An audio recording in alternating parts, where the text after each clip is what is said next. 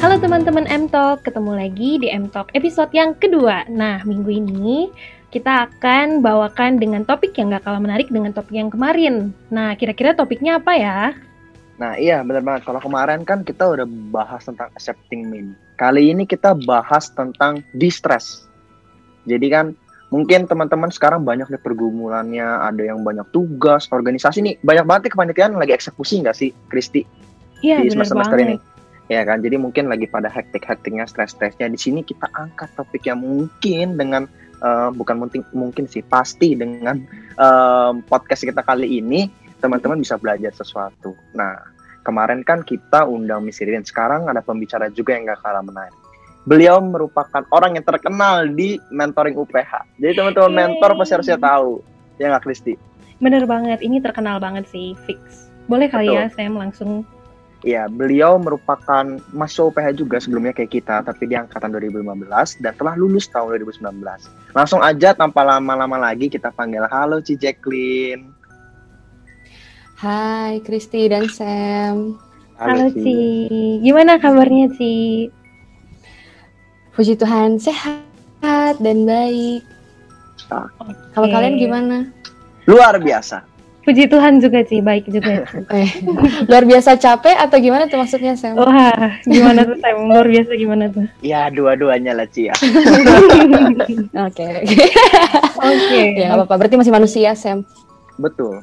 Bener banget. Nah iya Ci, bahas-bahas soal manusia nih Ci. Kan kita sering banget kayak stres gitu ya. Terus Betul. kayak banyak banget yang kayak cerita, aduh stres banget nih UTS, aduh stres banget. Apalagi kan kita nih Hmm. Anniversary ya Ci ya. Kalau bisa dibilang sama corona ini, kita udah Oh tahun nih. Ya. Iya, iya. Hmm, Oke Nah, oke oke. menghadapi online learning ini kan banyak yang bilang kayak, aduh aku stres banget, capek banget nih, secara mental, secara fisik. Nah, kita tuh sering banget mendengar kata stres ini gitu ya, Ci. Tapi kira-kira Hmm, hmm, hmm. ada nggak sih, Ci, definisi dari stres ini? Sebenarnya stres itu apa sih, Ci? Betul. Oke. Nah, eh, mungkin Sam sama Kristi aware ya kayak orang-orang bilang stres ini, stres itu gitu ya. Nah, sebenarnya stres itu tuh bukan bukan em, satu kejadian yang menyeb eh, bukan satu kejadian makanya kita bilang stres gitu, bukan. Tapi stres itu sebenarnya respon tubuh kita yang sangat-sangat natural gitu, yang Tuhan udah kasih gitu. Nah, kenapa respon ini muncul?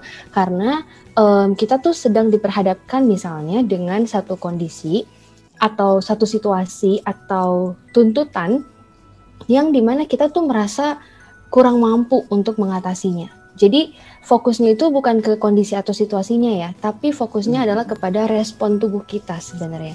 Jadi kalau misalnya kita masih merasa stres, kita bersyukur karena tubuh kita masih berespon terhadap sesuatu di luar tubuh kita. Gitu.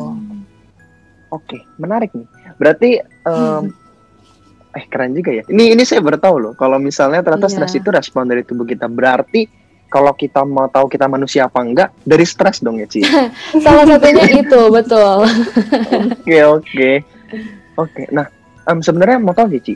Stres ini tuh ngebawa kita ke satu tempat nggak sih dalam artian em, dengan kita stres ini itu salah satu indikator kalau kita bertumbuh atau enggak nih, Ci sebenarnya. Nah, tergantung Sam, karena Mm. ada stres yang em, positif dan negatif. Biasanya kalau kita tahu stres yang positif itu namanya eustress, tapi kalau yang negatif itu namanya distress. Nah, jangan jangan samain dengan topik kita ya, karena kalau yang distress itu em, apa spellingnya itu adalah D I S T eh D I S T R E double S gitu, bukan di I ya, bukan. Oke. Jadi distress itu lebih kayak udah akut dan kronis sebenarnya. Tapi kalau masih yang kayak dalam taraf normal itu namanya em, ya stres biasa gitu. Tapi kalau hal-hal yang positif yang tadi kayak eustress itu biasanya kayak kalian lagi sibuk em, organisasi, kalian hektik selesain em, apa ya screening dan lain sebagainya. Sebenarnya itu termasuk eustress. Kenapa? Karena itu sesuatu yang mendorong kita untuk menyelesaikan eh, satu pekerjaan. Tapi kalau misalnya di stres itu biasanya udah em, negatif banget, negatif banget tuh dalam artian kayak mungkin itu adalah masalah di keluarga yang kita juga nggak tahu gimana kita selesain. Terus juga masalah dengan pacar, siapa tahu udah bergumul dengan pacar gitu kan? Iya nggak Sam? Waduh. oh, langsung spesifik nih ya kesan langsung. Kan ada Kristi nih Ci, maaf. Bener banget Iya. kayaknya kalau soal ini saya lebih relate sih Ci, aku nggak relate banget. Iya. ya kayak gitu. Jadi kayak hal-hal yang seperti itu sih. Jadi kita mungkin bisa bedain dulu di situ ya. Hmm. Menarik sih. Berarti Ci, aku mau nanya nih, kalau tadi kan ada um, eu, eu, e, e, apa sih? Eu. E, eustress Eustress, sama iya. distress. Nah, pengen tahu sih Ci, kalau distress ini kan jelas banget nih, Cici bilang kalau ini tuh negatif ya sesuai namanya, ini bisa membawa dampak negatif Mhm. bagi diri kita. Tapi kalau misalnya nih yang eustress ini nih, Ci, kita bahas spesifik deh yang eustress ini. Kalau Hmm. ini terjadi secara men- terus-menerus itu ada dampak nggak sih? Maksudnya ya pasti dampaknya secara negatif ya. Kalau positif ya kita semua seneng kan pasti. Nah, eustress ini bisa kasih Hmm. dampak negatif juga nggak sih Ci sebenarnya? Hmm, kalau secara terus-menerus dengan frekuensi yang banyak ya, dengan frekuensi yang em, banyak, terus juga intensitasnya juga tinggi, nah itu perlu dipertanyakan lagi. Itu sebenarnya sesuatu yang positif atau negatif buat kita, gitu. Jadi kalau misalnya, eh, misalnya gini, kita em eustressnya, stresornya mungkin karena tugas-tugas kita ya.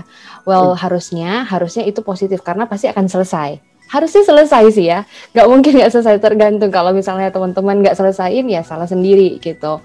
Nah cuman kalau misalnya hmm, em, kalau misalnya secara terus-menerus tanpa kita memanage stres kita dengan baik, nah itu juga jadi sesuatu yang salah, sesuatu yang negatif gitu. Mungkin bukan negatif, tapi lebih ke sesuatu yang tidak sehat gitu. Jadi baik eustress maupun distress, sebenarnya kita perlu belajar mengatur, mengelola stres kita gitu. Karena balik lagi kan yang awalnya kan kita udah sepakat nih itu adalah respon tubuh kita.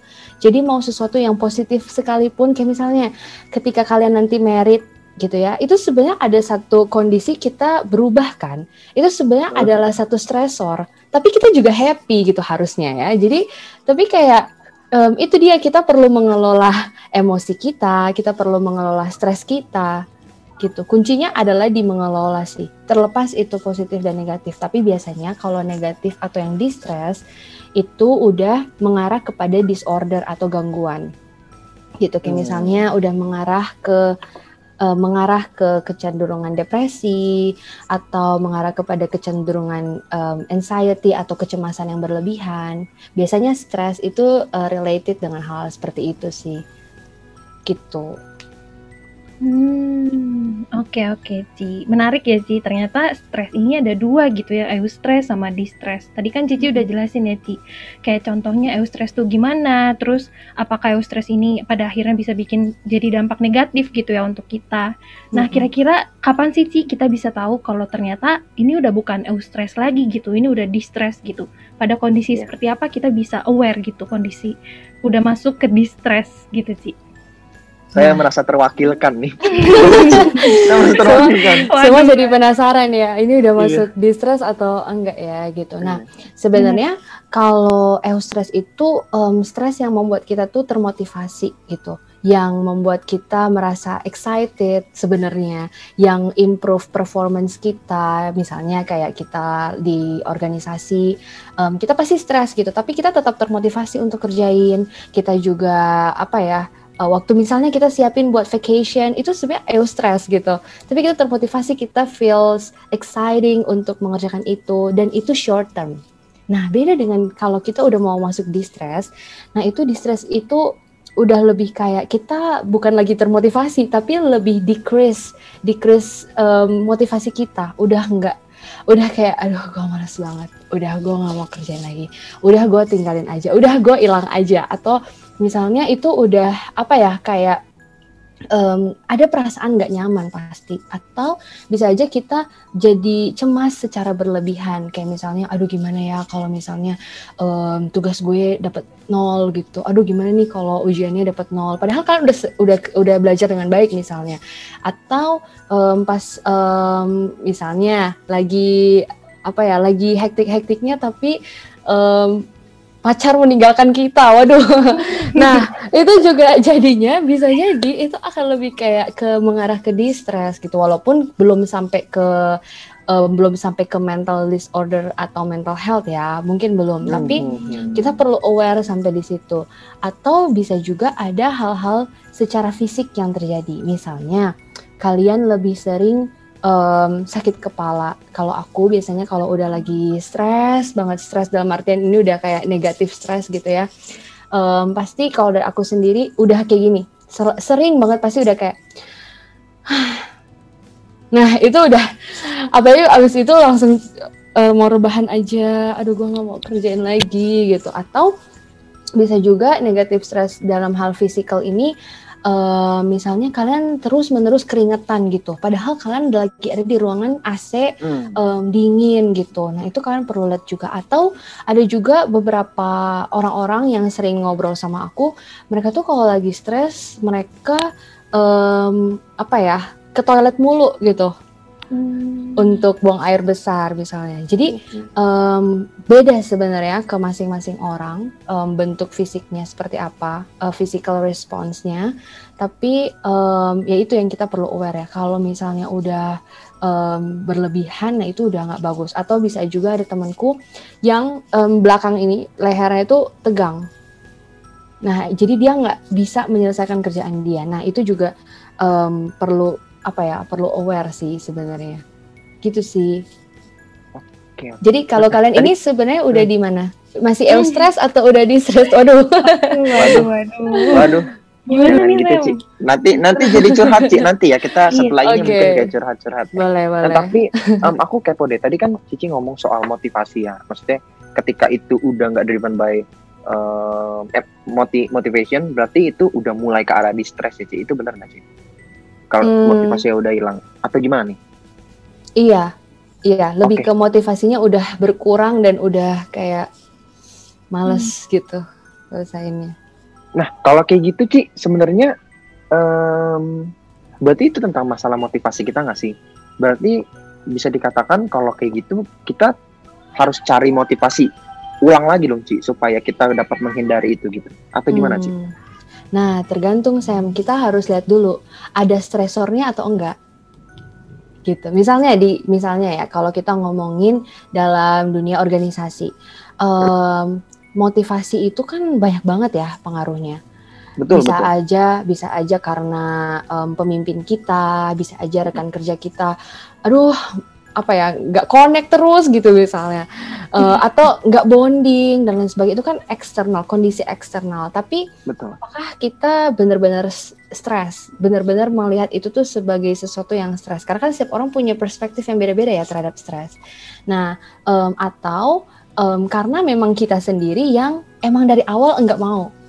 Nah, hmm. itu harus dibedakan. Jadi jangan sampai yang tadi waktu aku bilang udah um, apa motivasinya udah menurun, uh, makanya kita langsung bilang um, seperti yang tadi saya bilang nggak nggak menentu seperti itu sih gitu. Okay. Bisa aja uh, memang hal-hal yang tadi gitu. Kalau atau misalnya kayak memang karena ada masalah di rumah, mungkin kalian pernah ketemu ya teman-teman hmm. karena ada masalah di rumah, jadi dia benar-benar decrease performance-nya baik di akademik maupun di um, kepanitiaan, di organisasi gitu. Karena um, itu benar-benar menekan dia misalnya. Gitu. Jadi kita harus tahu akarnya ada di mana ada di mana dulu gitu. Kalau kalau memang karena males ikut, nah itu harus dipikirkan okay. lagi. Oke oke gitu. oke benar-benar benar. Nggak berarti berarti bisa dikatakan kita coba cari tahu dulu ke akar-akarnya ya. Mm -mm, kayak mm -mm. masalahnya apa. Dan nah, berarti kan kalau begitu kan setiap orang nih punya ya setiap kita kan masing-masing kita punya batas kita masing-masing. Kita misalnya -hmm. nih um, kalau aku aku stres banget nih karena pacar. Mungkin kalau Kristi tinggal pacar ya udah biasa aja gitu. Itu itu kan setiap orang kan beda-beda kan sih. -hmm. Tapi yang aku mau tahu gimana sih cara kita dapat meminimalisir rasa stres itu gitu loh. Kayak dan sebenarnya sepenting itu nggak sih? Ada juga yang bilang tentang kita tuh harus cari coping stress kita, gitu ya, Ci. Nah, itu hmm, gimana tuh, Ci? Hmm, hmm. Pendapat Cici nih, pengen tahu aku. Um, iya Sam, itu itu sangat-sangat penting sih. Kenapa? Karena kalau misalnya kita nggak bisa manage stres kita dengan baik, ini lebih kayak mengelola sih, mengelola stres kita dengan baik. itu yang tadi kayak bisa aja uh, mengarah ke mental health issues kayak hmm. anxiety yang atau kecemasan ber, berlebihan, bisa juga mengarah ke depression atau um, apalagi ya um, di sini ada juga sih seingatku kayak ada orang-orang yang akhirnya mengarah ke penggunaan obat-obat terlarang atau penggunaan alkohol yang terlarang. Atau um, kita bisa juga jadi kayak binge eating disorder gitu. Karena ada orang-orang yang kalau dia lagi stres maunya makan-makan terus gitu. Nah, um, akan mengarah ke mental health issues gitu. Atau um, ya tadi yang kita udah ngomongin juga ya kayak bisa juga terganggu secara fisik kesehatan kita. Um, apa ya kita nggak bisa kita harus aware loh ketika kita stres di dalam diri kita tuh um, apa ya dia juga bergejolak gitu secara fisik. Kayak imun kita juga menurun terus juga oh, iya, pasti otot-otot kita melemah gitu. Itu benar-benar udah pasti gitu. Jadi um, kondisi mental kita itu ngeling dengan kondisi fisik kita, ngeling juga dengan kondisi rohani kita. Jadi um, kenapa makanya kenapa sangat perlu dan sangat penting kita mengelola stres kita gitu. Karena sebenarnya stres itu ya setiap hari, setiap saat pasti ada. Hmm. Pasti ada. Kita nggak akan pernah terlepas dari stres. Tinggal bagaimana kita tahu bagaimana kita harus menghadapinya, kita tahu stresor kita tuh biasanya apa aja sih gitu. Kita tahu yang kayak tadi Sam juga udah bilang, oh cara terbaik gue untuk coping stress adalah A, B, dan C hmm. gitu. Dan that's okay kalau caranya Kristi beda dengan Sam. Hmm. Atau caranya Sam beda dengan aku karena kita bertiga berbeda gitu maksudnya uh, atau teman-teman di rumah juga berbeda pasti gitu kayak kalian punya stresor apa kalian tahu bagaimana harus um, apa ya um, coping itu gitu tapi ingat copingnya harus sehat jangan copingnya hmm. lari ke yang tadi kayak aku udah bilang larinya ke apa ya misalnya yang tadi alkohol hmm. atau larinya ke penggunaan obat terlarang dan lain nyakitin diri gitu ya Ci ya? Atau iya atau yang nyakit nyakitin diri sendiri juga gitu. Jadi kayak gitu sih. Hmm. jadi sangat sangat penting gengs Oke oke Ci, menarik ya Ci. Tadi kan Cici bilang ya, setiap orang tuh punya cara untuk di-stress sendiri-sendiri gitu ya Ci ya. Nah, kemarin itu kita sempat tanya ini ke teman-teman yang ada di mentoring UPH, kayak kita tanya ah, gimana okay, sih okay. cara dia menghadapi stres gitu Ci. Mm. Terus kayak ada me time, ada yang bilang nonton rakor, ada yang bilang um, jalan-jalan keliling rumah 100 meter gitu atau enggak tarik nafas. gitu keren ya, keren keren.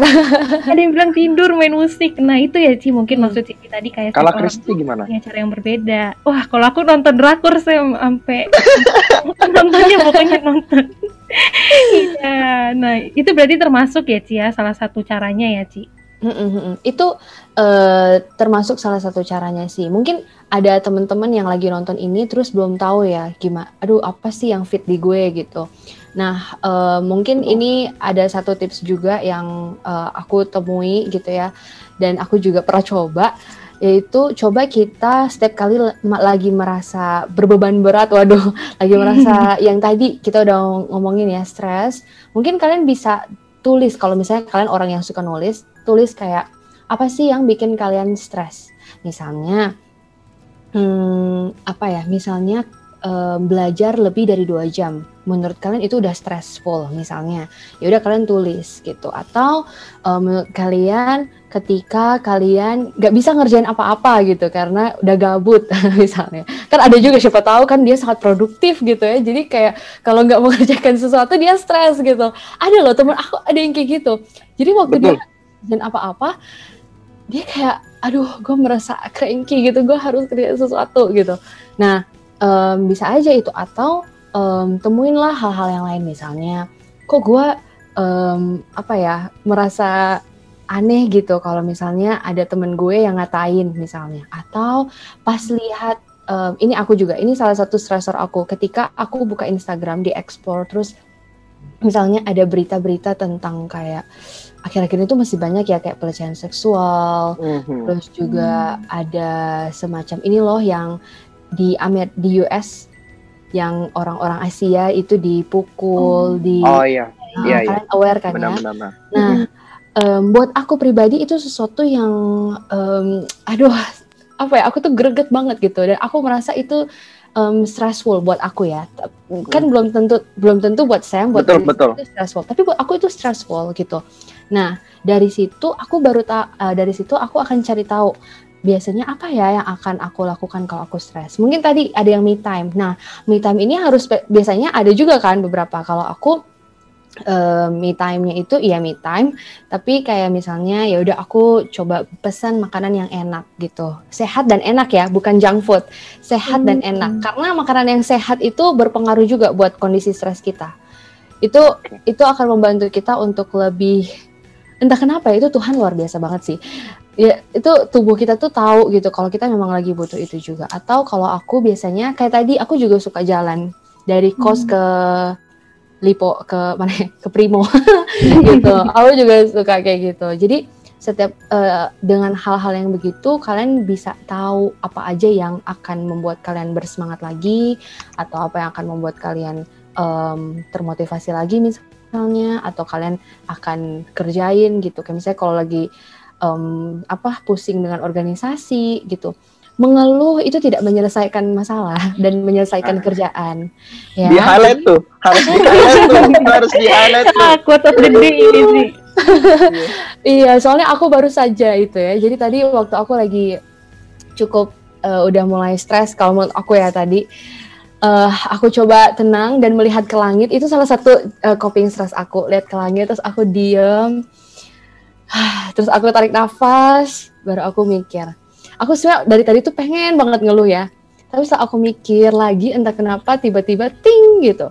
Aku jadi bilang, aku jadi bilang ke diri sendiri, aduh Kin mengeluh itu nggak menyelesaikan pekerjaan kamu gitu jadi ya udah take a break Em, ya udah aku tadi ya udah aku take a break aku nonton satu video di YouTube baru aku lanjutin kerja lagi gitu jadi itu Hmm. sih mungkin kalau em, ada lagi yang kalian mau ini apa ya bolehlah nanti coba kalau ada yang mau diomongin lagi aku bakal ngomong Ini sih, tapi itu ya benar sih, Ci.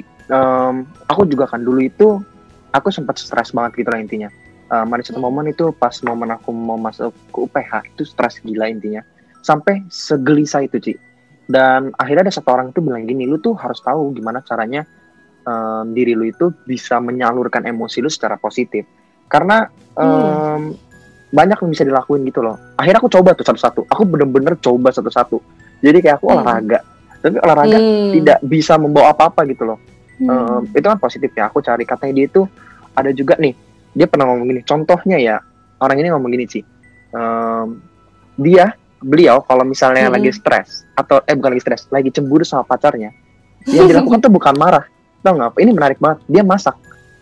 Jadi dia masak. Hmm, Oke, kalau dia cemburu dia masak, dia kesel dia masak, nanti dikasih ke pacarnya. Jadi pacar tuh udah tahu kayak, oh ini orang nih lagi bete nih sama gue gitu. Itu suatu hal yang menarik untuk aku gitu loh. Oke, Jadi, oke. Jadi iya di sana aku belajar buat mencari tahu itu semua kan sampai akhirnya em, aku menemukan tulis itu salah satu kebiasaan aku untuk Hmm, rilis segala hmm. sesuatu itu tulis dan banyak sepertinya kayaknya teman-teman juga yang rilis stresnya itu dengan nulis ya. Karena dengan begitu kita bisa ngeluapin segala sesuatu udah cu- cuma kita Tuhan dan buku yang tahu. Iya. dan ketika kita baca ulang kita bisa apa ya kayak oh si si Stephen tuh pernah tahap ini dan sukses loh. Jadi ibarat kayak motivasi lagi gitu loh ke diri kita ya nggak sih? Gitu sih. Betul, itu betul, menarik sih. Dan ngeluh emang ah itu ini teman-teman juga udah. Tapi tetap sih maupun ini bisa dikatakan ya kalau teman-teman bilang ah kalian mah udah bisa udah hebat dan semacam kayaknya enggak deh Ci kita semua pasti masih tetap ngeluh nggak sih sama apa yang kita jalani sekarang cuma Pasti. bedanya kita tahu kan udah kayak ya udah ini udah ngeluh nggak nyesen apa apa jadi kita tetap Uh, uh, uh, uh. betul betul. Gimana? Aku tadi sempat ngeluh kok. Walaupun cuma dalam hati aku udah kayak, aduh ini kerjaan gitu kan. iya, tapi tapi setelah aku pikir-pikir dan maksudnya gini, aku tuh tipikal orang kalau lagi stres tuh bukan yang bukan yang nyerocos terus gitu ya. Enggak, aku bukan tipe kayak gitu. Jadi kalau eh, nanti kalian em, apa ya lihat kalau aku lagi menyendiri dan sebagainya itu mungkin aku lagi stres dan Hmm. Em, di saat itulah entah kenapa itu waktu-waktu terbaik uh, untuk aku berpikir dan jadinya uh, muncullah yang kayak tadi gitu. Jadi sebenarnya um, kalau yang tadi ya kayak kita yang aku tadi bilang mengeluh itu tidak menyelesaikan kerjaan karena aku udah mengeluh dulu gitu. Makanya aku tahu oke okay, kerjaan gue nggak selesai gara-gara gue mengeluh terus gitu. Um, jadi kayak kita perlu memvalidasi dulu sebenarnya ya memvalidasi um, perasaan kita baru deh muncul jalan keluarnya. Bisa jadi kayak gitu Betul. gitu kan. Hmm, gitu. Jadi kalau kita mau kayak misalnya gini ya, ada orang suka bilang gini, udahlah lu bersyukur dong, uh, masih punya pekerjaan. Syukur dong. Lu masih jadi lu masih dipercayakan jadi um, ketua ini. Lu masih percaya jadi um, koor ini gitu. Nah biasanya rasa bersyukur itu jadinya nggak akan bermanfaat buat kita ketika kita nggak memvalidasi dulu perasaan sebelumnya apa. Misalnya aduh gue hektik banget gue aduh gue kesel banget sama ini ini ini. Kenapa sih ketua gue kayak gini gini gini gitu nah dari situ baru sebenarnya dari ketika kita mengeluapkan emosi kita itu baru di saat-saat kita tenang kita baru otak kita tuh baru jalan gitu. Gitu baru kayak mikir oh ya bener ya.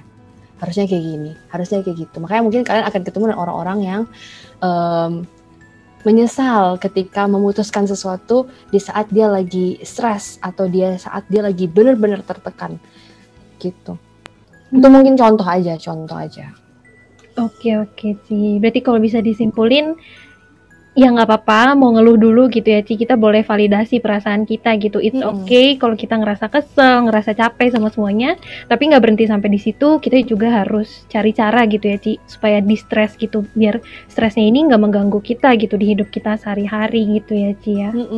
Dan masalah bisa terselesaikan ya Ci ya. Nggak cuma ngeluh dan mengetahui masalah selesai. Benar betul, banget betul. atau bisa aja masalahnya nggak selesai. Hmm. tapi diri kita tapi diri kita tetap tenang ngerti nggak? Oh. kan gini kayak ada kan masalah keluarga misalnya atau apa pun lah yang benar-benar kayak susah banget kita nggak tahu jalan keluarnya apa. Tapi walaupun kita nggak tahu jalan keluarnya apa tapi kita punya apa ya rasa tenang gitu masih tetap yang kayak punya hope. Nah itu itu sesuatu yang beda sebenarnya. Jadi mungkin dengan kita mengelola perasaan kita, mengelola emosi atau mengelola stres kita mungkin nggak menyelesaikan masalah, mungkin. Hmm. Tapi setidaknya itu membantu kita untuk keep going, membantu kita untuk tetap berfungsi, membantu kita untuk tetap melakukan um, tugas kita, melakukan apa pun yang memang kita perlu untuk lakukan, atau membantu kita untuk berpikir dengan lebih jernih. Menurutku itu lebih penting sih ya. Kalau menurut aku, gitu. I see, I see. Setuju, setuju, setuju. Oke, mantap Ci. Nah, kira-kira Ci kan kita udah selesai nih ya pembahasannya hari ini. Ada nggak sih Ci pesan-pesan uh, pesan dari Cici untuk teman-teman yang mungkin lagi stres gitu saat ini pas nonton ini? Oke, kalau sekarang lagi stres nggak apa-apa. Itu berarti kamu masih manusia gitu ya. Nggak selamanya kamu harus um, all out, nggak selamanya kamu harus tampil oke. Okay um, percayalah bahwa segala sesuatu ada waktunya sih gitu. Ada waktu untuk kalian perlu istirahat supaya kalian bisa recovery, um, tapi juga ada waktu di mana kalian perlu hustle gitu untuk okay. selesain apa yang harus kalian lakukan. Kuncinya adalah um, kenal diri kamu sih supaya kamu tahu stresor yang biasa kamu alami apa dan kamu tahu gimana cara kamu coping itu gimana hmm. kamu bisa tetap berfungsi juga walaupun um, dengan segala situasi yang lagi kamu alami. Gitu sih paling. Oke iya. Sungguh menarik topik hari ini. Um, sebelumnya kita aku dan Kristi ingin ngucapin thank you ke Cijek atas waktunya yang pastinya Cijek juga sibuk juga stres ya kan? Tapi masih tetap mau berbagi dan pastinya kembali um, podcast kali ini bisa berguna untuk kita semua gitu. Jadi teman-teman um, nantikan lagi topik M Talk selanjutnya di episode 3. Teman-teman apa sih kayak bikin notification itu bisa kan di Instagram tuh pencet itu kayak push notification kalau misalnya ada post. Iya, nah itu. Um, Oke, okay, kami pamit undur diri. Saya Steven. Saya Kristi. Sampai jumpa di episode selanjutnya. Dan jangan lupa be the best mentor, not only for others but also for you. Thank you. Bye bye Thank semua. you. Bye bye semua.